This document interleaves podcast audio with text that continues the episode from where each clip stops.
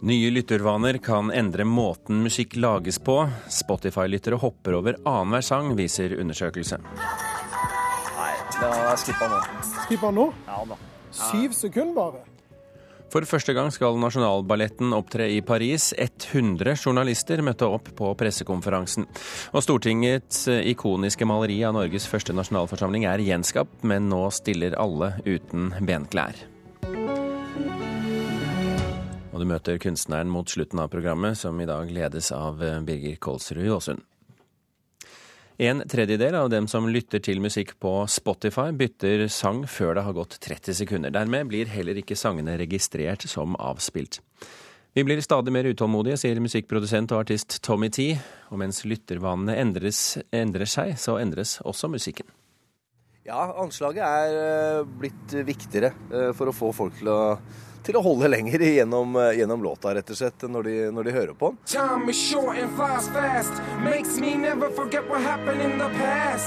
I tillegg til å ha produsert låter som denne, er Tommy T artist, programleder og tidligere The Voice-dommer.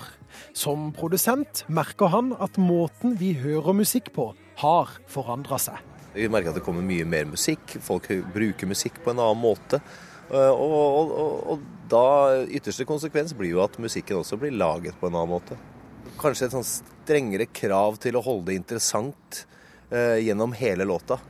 Nye tall viser at halvparten av Spotify-lytterne hopper til neste sang, eller stopper sangen før den valgte sangen er ferdig spilt. En tredjedel bytter sang allerede før det er gått 30 sekunder. Og går det ikke over 30 sekunder av låta, blir heller ikke låta registrert som avspilt i Spotify. Kan du komme hit og snakke litt med meg? Er du redd for at det er mange som hører sangene dine, men ikke gidder å høre mer enn 30 sekunder? Um, nei. Ja, du, jeg vil prate litt med deg. Alltid like kule Admiral P blir overraska over hvor utålmodige folk er blitt, men er ikke veldig bekymra over hvor lenge folk hører på sangene hans. For som han sier um, Jeg gjør det jeg gjør, så liksom hvis folk følger musikken, så det er basically opp til dem. Men bør egentlig admiralen være mer bekymret? Unnskyld, gutter. Hei. Hei, unnskyld. Jeg kom fra NRK Radio. Vi samla en liten gjeng med ungdommer for å teste tålmodigheten deres. OK, nå kommer jeg til å spille en tilfeldig sang, og så må du bare si når du vanligvis ville ha skippa til neste sang. Ja. OK?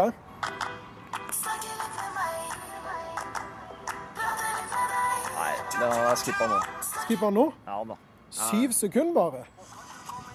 Ja, Der tror jeg jeg ville tatt den. Der vil du skippe. Ja, nettopp. 25 sekunder, altså. Ja. Der. Der. OK. Det var 17 sekunder, det. Hallo? Hallo, ja, det er Admiral P. Ja. Vi forteller admiralen om undersøkelsen vår. Det, ja, det er en smak og behag for uh, enhver, du vet. Syns du det er trist? Om jeg syns det er trist? Ja.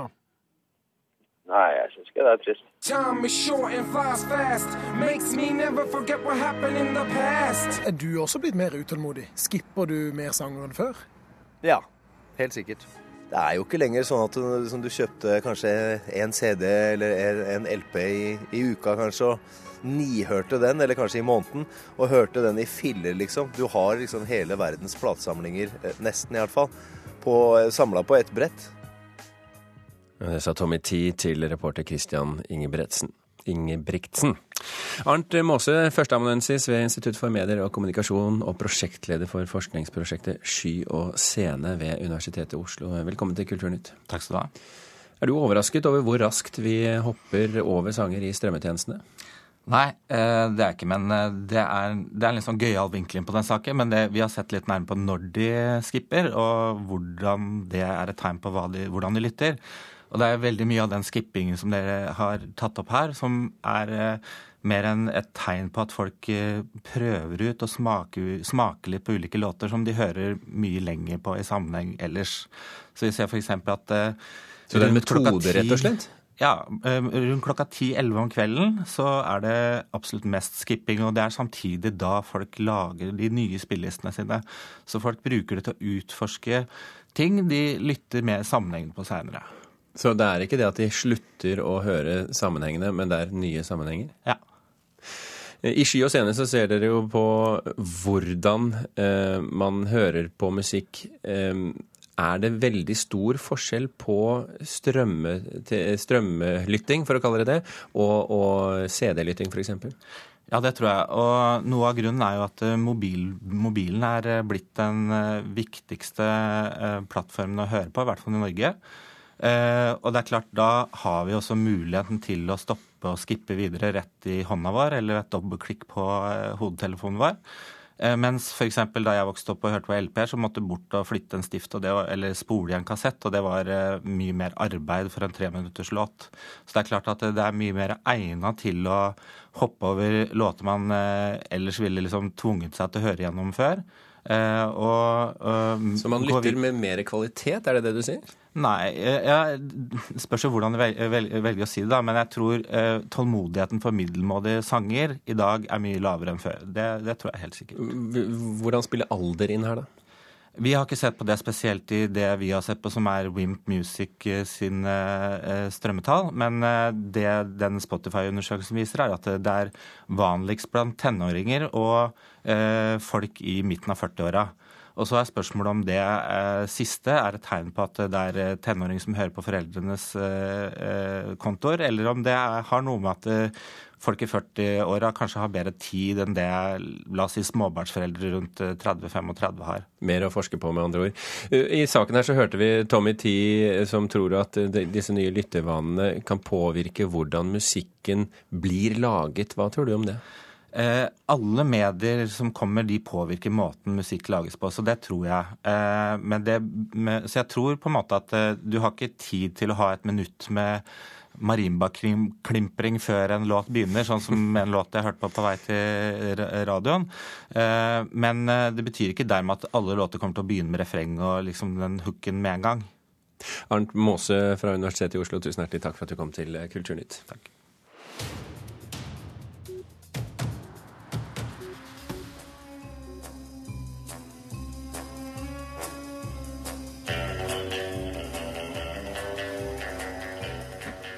Den neste Bond-dama kan bli norsk. Skuespilleren Synnøve Makodi Lund er en av åtte kvinner som vurderes til en sentral rolle i den kommende James Bond-filmen, skriver Dagbladet i dag. 38-åringen fra Stord har ifølge avisen vært på prøvefilming i København og møtt regissør Sam Mendes i London. Og den neste Bond-filmen blir den femte i rekken med Daniel Craig i hovedrollen. Og den skal etter planen lanseres på kino neste år. From the fading light of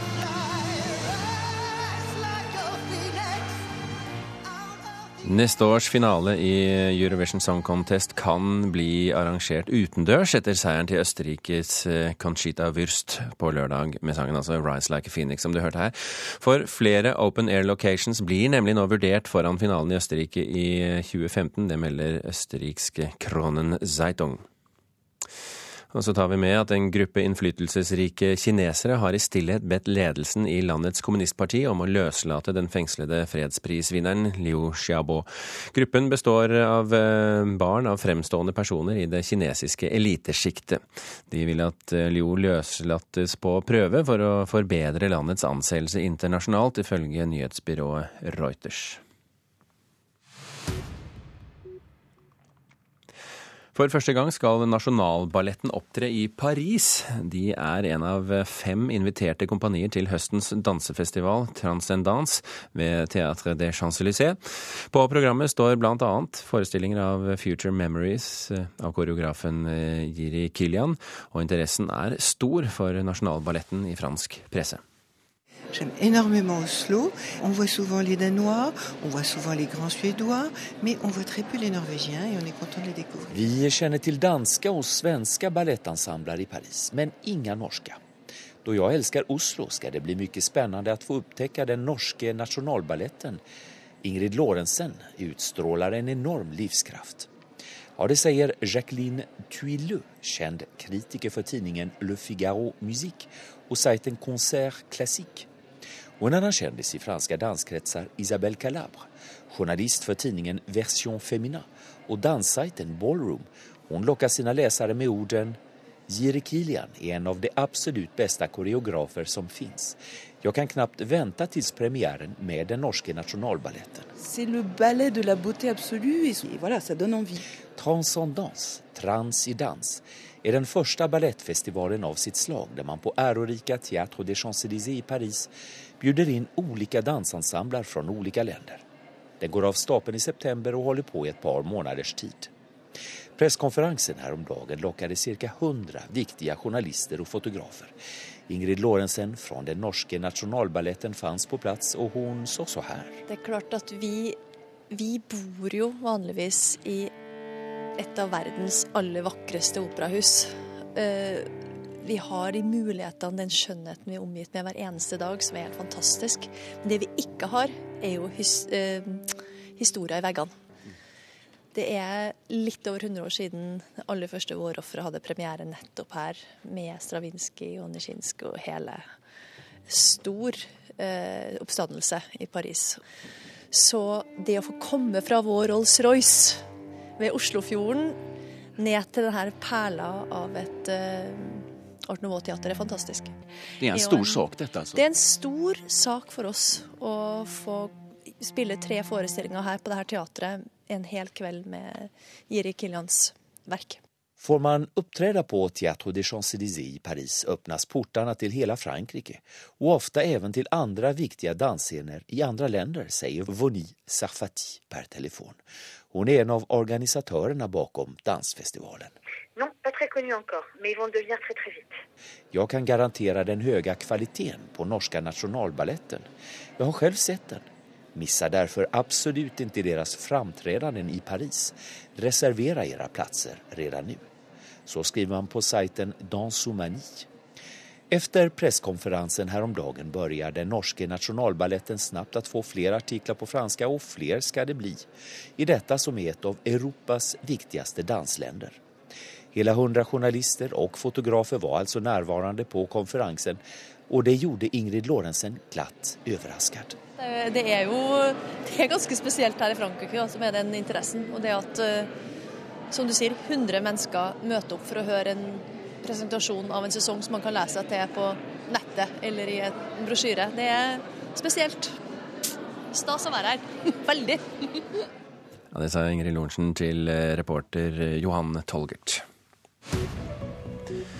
Klokken er drøyt eh, kvart over åtte. Du hører på Kulturnytt, og dette er toppsaken i NRK Dagsnytt akkurat nå. Lokalsykehus mangler kunnskap om nødkirurgi, men alvorlig skadde pasienter sendes likevel dit. Det kan få alvorlige konsekvenser, sier professor Olav Røise. Det kan bli mye dyrere å gå til tannlegen på bygda enn i byene. EØS-avtalen forutsetter at finansiering av den offentlige tannhelsetjenesten i Norge blir endret. Og folkeavstemningen viser klart flertall for løsrivelse, hevder opprørerne i Øst-Ukraina. Og bør en eh, forfatter beskyttes mot seg selv? Vår anmelder stiller seg det spørsmålet når hun leser siste utgave av Agnar Mykles etterlatte tekster. Du får høre mer om det om litt. Først så skal du se for deg det store maleriet som henger bak stortingspresidenten. Og så ser du for deg at ingen av dem har bukse. Halvparten av dem har heller ikke jakke, og så gir du det et lite anstrøk av homoerotisme, og vips, så har du hovedbildet på utstillingen Ja, vi elsker frihet, som åpner denne uken på Kulturhistorisk museum i Oslo. Fotografen heter CF Wesenberg og sitter her i studio med meg nå. Velkommen til eh, Kulturnytt, Wesenberg. Tusen takk. Da du fikk dette oppdraget, hvilke rammer fikk du da? Eh, de samme som vi har i, i landet vårt. Vi har eh, frie rammer innenfor rammen. ja, I dette tilfellet bokstavelig talt. Ja. Hva var det første du tenkte? Nei, det At det var en fantastisk mulighet. Um, Lilland Skjepstolowski på Kulturhistorisk museum hun er kurator på utstillingen og hadde en fantastisk idé om at eh, vi må gjenskape Eidsvoll 1814 Eh, og så tok hun kontakt med meg om det er fordi jeg heter Christian Fredrik. Og kanskje den eneste fotografen som heter Christian Fredrik. Kongens, kongen, datidens kongenavn? ja. ja. Mest sannsynlig. Ja, ikke sant. Eh, vi fikk i hvert fall frie tøyler til å gjøre hva vi ville for å gjenskape det bildet. Og vi vurderte en, en rekke muligheter, men vi endte da opp med en kombo hvor vi har fotografert eh, rundt ja, litt overkant av 30 modeller fra Bamseklubben, som stilte velvillig opp. Og Forklar hvem Bamseklubben er. Det er eh, en liten klubb eh, med homofile menn som er de som Ja, de er litt lubne, noen av dem. Er Mesteparten, faktisk. Litt sånn som meg, egentlig, kanskje. Og så mm, Og de møtes og har det veldig hyggelig sammen. Og dette er de, de som ikke er ut... Hva skal jeg si jeg holdt på å si utrert homofil, men eh, de som er sånn opplagt at han må være en homse, liksom. Dette er de helt vanlige menneskene som du går forbi hver dag. Men de har det veldig gøy sammen når de møtes. Og de har også tidligere Grunnen til at vi tok kontakt med dem, er for at de har tidligere uh, lekt med nasjonalikoner og satt seg selv inn som modeller. Så da de, vi tok kontakt med dem, så var de henrykt. Men hvilket budskap ligger i dette her, da? Vi ønsker å Hva skal jeg si eh, Et samfunn består av jurister og eh, humorister. Eh, juristene holder samfunnet sammen, humoristene binder det sammen. Hvis vi ikke kan le av det vi holder på med, så blir det litt for alvorlig. Jeg tror at noe av budskapet her handler om å vise at det faktisk er mulig i dag å gjøre akkurat det vi har gjort, fordi at vi har denne friheten som Grunnloven gir oss. Vi har en grunnlov som gir rom og yter toleranse. Og det er det vi kanskje ønsker å gjenskape med, med dette bildet. Vi har, vi har kile Grunnloven litt under løvefettene. Eh, vi legger også merke til at det er en kvinne med i bildet her, men hun henger i portrett på veggen og heter Erna Solberg. Hvordan fikk du med henne? Eh, hun er jo ikke med på bildet. Det er et bilde som jeg har tatt eh, da jeg har fotografert henne en, en rekke ganger. Så hun er vår statsminister, og det er ett maleri på veggen, og det var naturlig at vi bruker statsministeren. Hadde hun øh, glede av å bli forespurt, hadde hun nær sagt? Jeg har ikke snakket med, med Erna om det direkte, men øh, vi har snakket med statssekretæren, som har meldt tilbake at øh, de har ikke noen motforestillinger mot hvordan vi bruker det bildet. Så Erna er en person med stor raushet, mye humor og har absolutt det som skal til for å yte den toleransen som vi trenger. Hva, hva syns du selv om din nyfortolkning, og hva den sier om Grunnloven og eidsvollsmennene? Jeg tenker at um, Vi er veldig fornøyd med, med, med, resultatet. Det er mye arbeid. Den sier vel egentlig at uh, dette er mulig. Uh, og så blir det opp til den enkelte å uh, se bildet og tolke mer inn i det enn en det kanskje vi har gjort. Men det som er viktig, er på en måte at de menneskene som er med på bildet, de har selv fått lov til å utfolde seg fritt. Mm. Så at vi, vi, har ikke lagt noe bånd på hvordan denne bamseklubben ønsket å være på bildene. Så dette er et samarbeidsprosjekt, så det er viktig å understreke. CF eh, Wesenberg, tusen hjertelig takk for at du kom til Kulturnytt. Dette bildet vil altså kunne ses eh, sikkert i flere medier, men også da på Kulturhistorisk museum, Universitetet i Oslo. 20 år etter hans død kommer det nå en ny bok fra Agnar Mykle, 'Prinsessen på bordet', en rapsodi. Sønnen, Arne Bust Mykle, har gått til den store mengden av upublisert tekst som lå igjen etter forfatteren. Og dette er den femte boken utgitt på etterlattes papir. Vår anmelder Marta Norheim spør seg om det nå er mer å hente. Agnar Mykles åtte skjønnlitterære bøker kom ut i løpet av en 19-årsperiode. Deretter ble det stilt. De siste knapt 30 åra av livet kom det ingen bøker, men han skreiv og skreiv. Mykles eh, biograf Anders Heger skriver en stad at han utviklet etter hvert et selvbilde som vanskeliggjorde kommunikasjon med omverdenen. Han omtalte gjerne seg sjøl som the greatest writer in the world, alltid på engelsk av en eller annen grunn, og han mente han fortjente en dobbel nobelpris i litteratur. Bør en forfatter som har havna der, beskyttes mot seg sjøl? Dette spørsmålet har jeg hatt i hodet under lesinga av Prinsessen på bordet, og jeg har vært i tvil. Her kommer vi tett inn på den skandaleombruste forfatteren som i si tid ble stilt for retten etter å ha skrevet usedelig, og som aldri nådde sine tidligere høgder etter det. Han skriver om bøkene sine og tanker han hadde om dem. Han skriver om idiotene på Gyldendal med Harald Grieg i spissen som kravde at han skulle stryke ting før bøkene kunne komme ut. Han skriver om kvinnene, og de var det mange av. Han skriver om en altfor fjern far som han elska, og ei altfor nærværende mor som han hata. Først og sist skriver han om barndommen og om sitt liv som erotisk vesen i omgangen med ord så vel som kvinner. Vi kommer tett på, men på samme tid er det ting her som skaper distanse. Én ting er tida. Det er en generasjon siden dette, og puritanismen han kjemper mot er ikke et påfallende trekk i vårt samfunn. Synet på kvinner verker passé, og han går i rette med ei rekke personer som har det til felles med han sjøl at de er døde for mange år siden.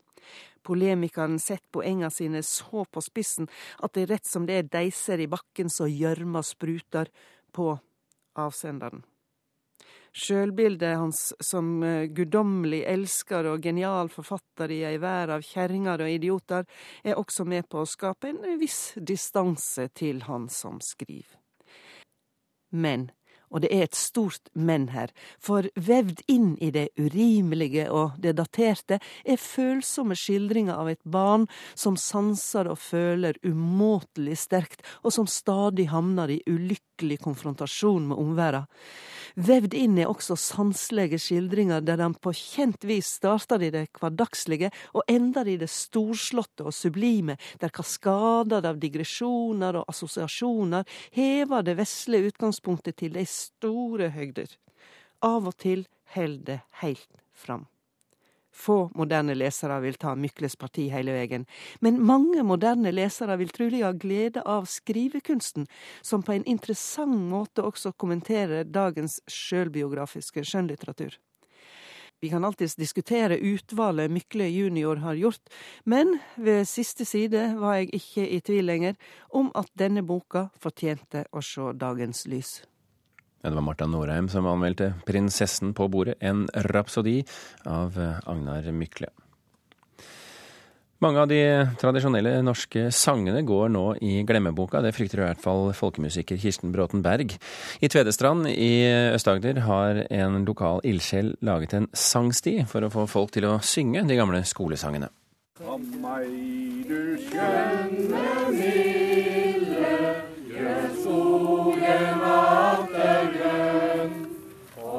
vi synger de gamle skolesangene som vi lærte på, på folkeskolen. Snart 69 år gamle Tellef Heggeland leder an når godt over 30 sangglade menn og kvinner er på guida sangtur i Vestmarka i Tvedestrand.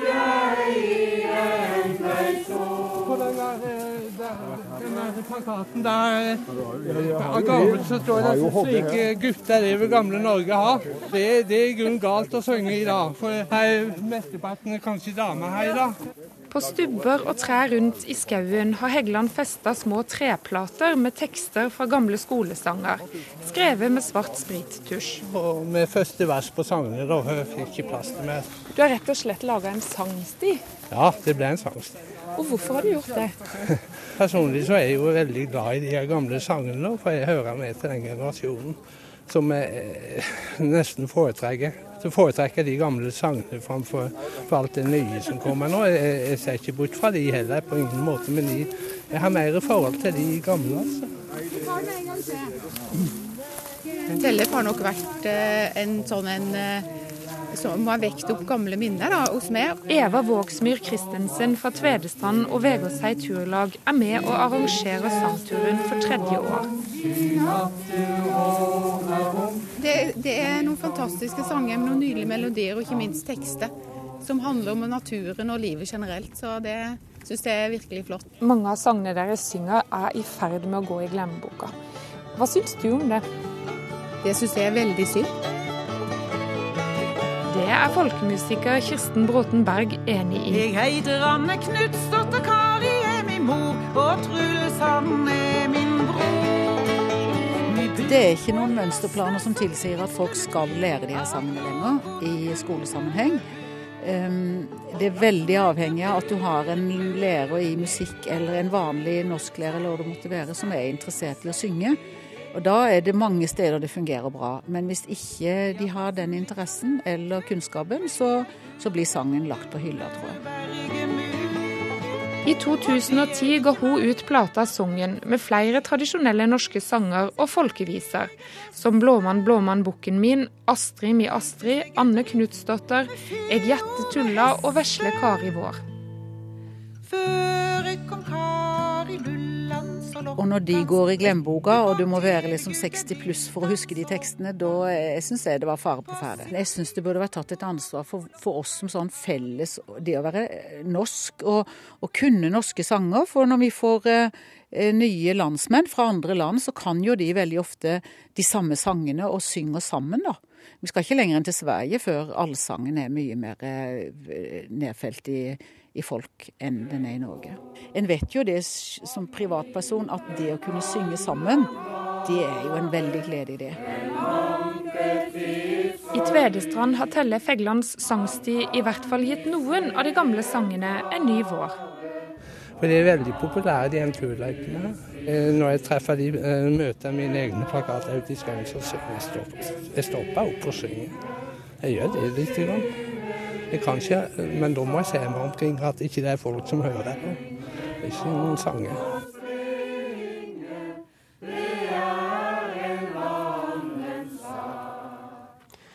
Og reporter her, det var eh, Miriam Grov. Vi tar med til slutt at uh, en glassoverbygg på, et glassoverbygg på 100 kvadratmeter kan bli bygget over ruinene av Mariakirken i Oslo. Det melder Aftenposten. Det er Oslos kirkeverge som kommer med forslaget, som er tegnet av arkitektkontoret Jensen og Skodvin. Byantikvaren er på sin side skeptisk og sier at et glassbygg bare vil forvanske opplevelsen av kirken og stedet. Kulturnytt eh, har nå tenkt til å runde av. Det er ikke mer igjen av sendingen. Øystein Heggen er kommet i studio og forbereder fortsettelsen av eh, Nyhetsmorgen. La meg bare fortelle at du i dagens sending kunne høre at nye lyttervaner kan endre måten musikk lages på. Spotify-lytterne hopper nemlig over annenhver sang. Det viser en ny undersøkelse. Ingen fare for musikken, sa musikkforsker Arnt Maasø. Folk bruker hoppingen til å velge den musikken de virkelig vil høre. Kulturnytt fikk du i dag eh, av Frode Thorshaug, Vidar eh, Sem og med Birger Kålsrud Aasund her i studio. Nå fortsetter Nyhetsmorgen.